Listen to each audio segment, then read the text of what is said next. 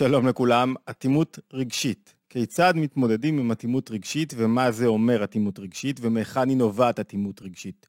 יש לנו כמה סוגי אטימות בנפש. יש אטימות שכלית. שני סוגי אטימות המובהקים ביותר. יש אטימות שכלית, מה הכוונה? יש כמה סוגים של אטימות שכלית. סוג אחד זה שאני לא מצליח להבין. לא רק שאני לא מצליח להבין, אני לא מצליח להביא את עצמי למצב שבו אני דוגר, או שאני לא מצליח להתחדש בהבנה שלי. אין לי את מידת היצירתיות, אני לא רואה את הדברים מזוויות חדשות.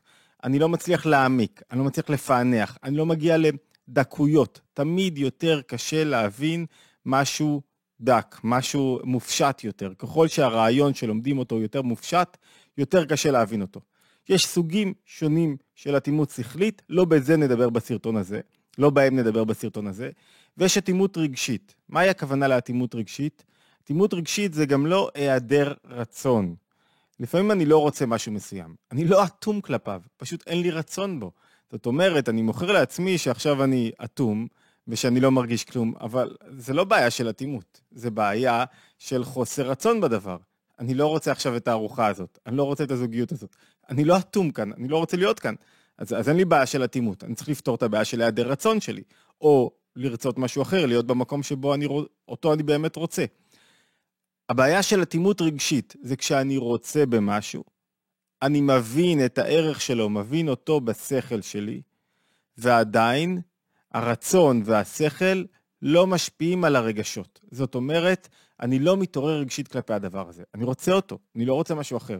אם אני רוצה משהו אחר, אמרתי, אם אני רוצה עכשיו אה, להיות במקום אחר, אז, אז בטח שאני לא אתרגש מהמקום הזה. אז אין מה לעבוד על התעוררות רגשית, כי יש מה לעבוד על הרצון שלי, להכריע איזה רצון אני בוחר. אבל מצב שבו אני רוצה להיות במקום הזה, אני רוצה להיות במערכת יחסים הזאת, אני רוצה להיות בעבודה הזאת, אני רוצה, אני רוצה את זה. זאת אומרת, יש לי רצון. לפעמים זה קצת, אה, זה קצת לא הוגן, כי לפעמים רצונות שונים מתערבבים קצת. ויש לי רצון בזה ובזה, ויש רצונות אה, מורכבים. המטרה היא תמיד לתפוס את הרצון הגבוה יותר, הפנימי, הנפשי, העמוק יותר בנפש, שהוא מקור ההנאה החזק ביותר, אבל, אבל לא בכך אנחנו מדברים. אנחנו מדברים במצב שבו אני רוצה דבר מסוים, אני מתעורר כלפיו, ועדיין אין לי התעוררות רגשית. אני מבין אותו ואין לי התעוררות רגשית. לא מתרגש, אדם שבתפילה לא מתרגש מהתפילה שלו. אדם בעבודה שלו מבין שהעבודה חשובה לו, רוצה להיות בה ולא מתרגש מהעבודה שלו. אדם בתוך זוגיות, רוצה להיות בזוגיות הזאת, מבין את החשיבות שלה, יודע להעריך אותה ועדיין לא מתרגש ממנה. מאיפה זה נובע? בדרך כלל רגשות, אטימות רגשית, נובעים ממקום אחד בנפש, הם נובעים ממקום שנקרא היעדר כוח הדעת. מה זה כוח הדעת? כוח הדעת הוא אחד מכוחות השכל. הוא שכל. מה התפקיד שלו? התפקיד שלו היא לא הבנה, הוא לא מוסיף שום דבר בהבנה, והוא לא מוסיף שום דבר בהתחדשות, והוא לא מוסיף שום דבר ביצירתיות ובזווית ראייה חדשה. מה שהוא מוסיף כוח הדעת זה בהרגשה, בהתקשרות. זאת אומרת, כוח הדעת הופך משהו לשלי, פחות או יותר. אני מרגיש אותו. ככה אני מצטט את הרבי הרש"ב, עיקר מציאותו ומהותו העצמית של כוח הדעת הוא בחינת הרגשת השכל וההשגה. זאת אומרת, אני יכול להבין משהו בצורה מופשטת, עוד לא הרגשתי אותו. זאת אומרת, הרגשה הרבה יותר קשורה לכוח הדעת מאשר לרגשות. מה שאנחנו קוראים רגשות זה התנועה הנפשית, זה המנוע. אבל באמת תחילת ההרגשה, המפתח לרגשות, מפתח דכליל שיט, מפתח לששת הרגשות, לעולם הרגשי של האדם, איפה המפתח הזה נמצא? בכוח הדעת. כוח הדעת בעצם הוא המוח השלישי שיש על פי ספר הזוהר, והוא אומר אם אני מתחבר למשהו או לא מתחבר למשהו, אם אני מתקשר אליו או לא מתקשר אליו. ובדרך כלל כשאני לא מתקשר לדבר אחד, זאת אומרת שיש לי התקשרות לדבר אחר, או שיש לי תוהו בנפש, שאני לא מתקשר לשום דבר, ואז הרגשות שלי הומים בי בלי שום סדר וכוונה, מבלבלים אותי, אני לא יודע לאן הם לוקחים, אין לי, אין לי שום סדר בנפש. התפקיד של כוח הדעת זה לסדר את הרגשות, להכווין אותם, ולתת להם דיירקשן, להגיד, אוקיי, עכשיו אנחנו מתחברים לדבר הזה, מתעוררים כלפיו, וכלפיו עכשיו אני מתעורר מבחינה רגשית.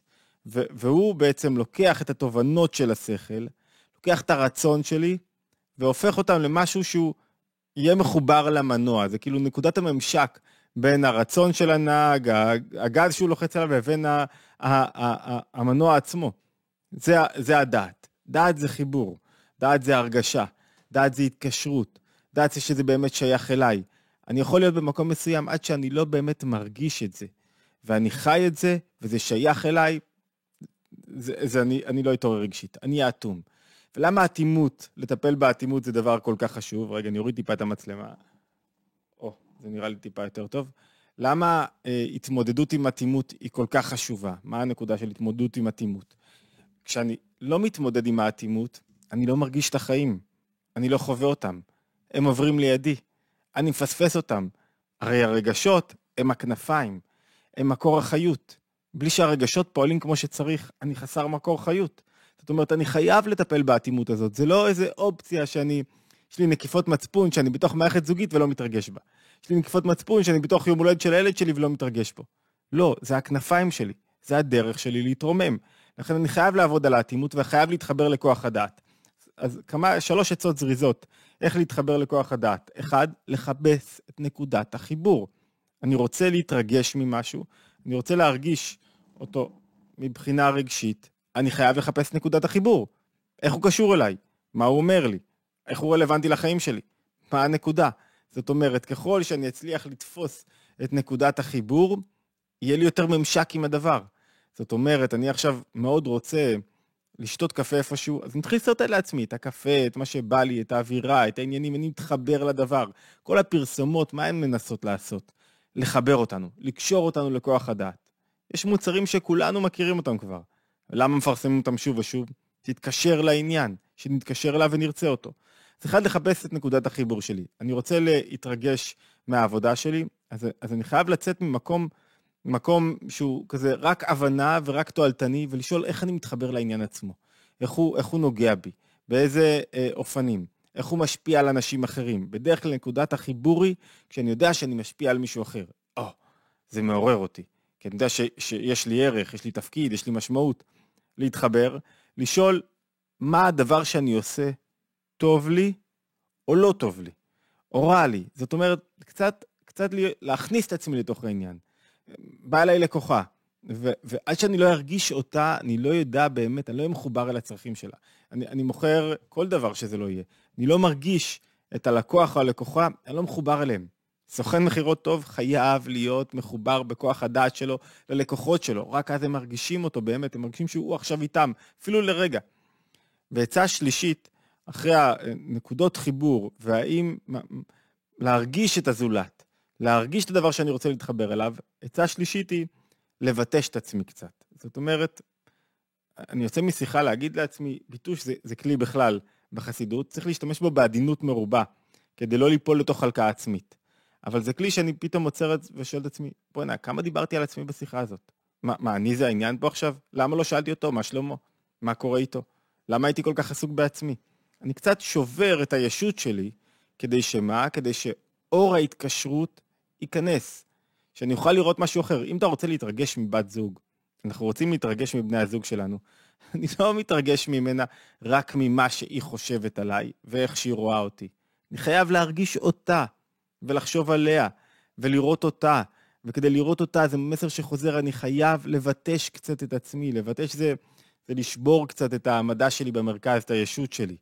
ו, ואם אני לא עושה את זה, מאבד חיות. בקשר, בכל דבר שאני עושה.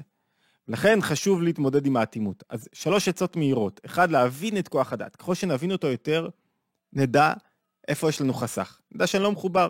אחד מכוחות השכל שלי, שנקרא כוח הדת, כרגע לא פעיל, לא מחבר אותי לדבר. שתיים, למצוא את נקודת החיבור שלי לדבר שבו אני עושה. זה לא בעיה של רצון, אלא איפה אני מחובר פה? מה, מה זה נוגע אליי? איך זה רלוונטי לחיים שלי? האם זה טוב או רע? כשמישהי עכשיו, האם אני משפיע על מישהו? מה הערך שלי בדבר שאני עושה? אמרנו, כשאני משפיע על מישהו, אני כבר מתקשר לעניין. מרגיש שיש לי תפקיד, צריכים אותי. יאנוש קורצ'אק יוצא עם התלמידים שלו, אז, אז הוא מרגיש תלמידים שלו צריכים אותו, אז הוא מקושר אליהם. חיבור, הבנת כוח, הבנת כוח הדעת, חיבור וביטוש עצמי. שלושת מסלולי עבודה, צריך לפרוט אותם, אבל אנחנו מבינים את המשמעות שלהם כדי לשבור את האטימות ובכלל אני חושב שהדבר הראשון שצריך לדבר עליו, ולא הדגשנו לו מספיק תשומת לב, הוא לזהות את האטימות. לזהות שאני עכשיו חסר התרגשות כלפי העניין הזה ואני אטום כלפיו. אני בסדר עם זה או לא בסדר עם זה? אם אני לא בסדר עם זה, בואו נתחיל ללכת במסלולים. להבין את כוח הדעת, להבין שאני לא מחובר פה לגמרי, אני מבין אותו, לא מחובר פה לגמרי, אני לא הולך עם הרצון שלי, אני לא הולך עם המקום הנכון שלי.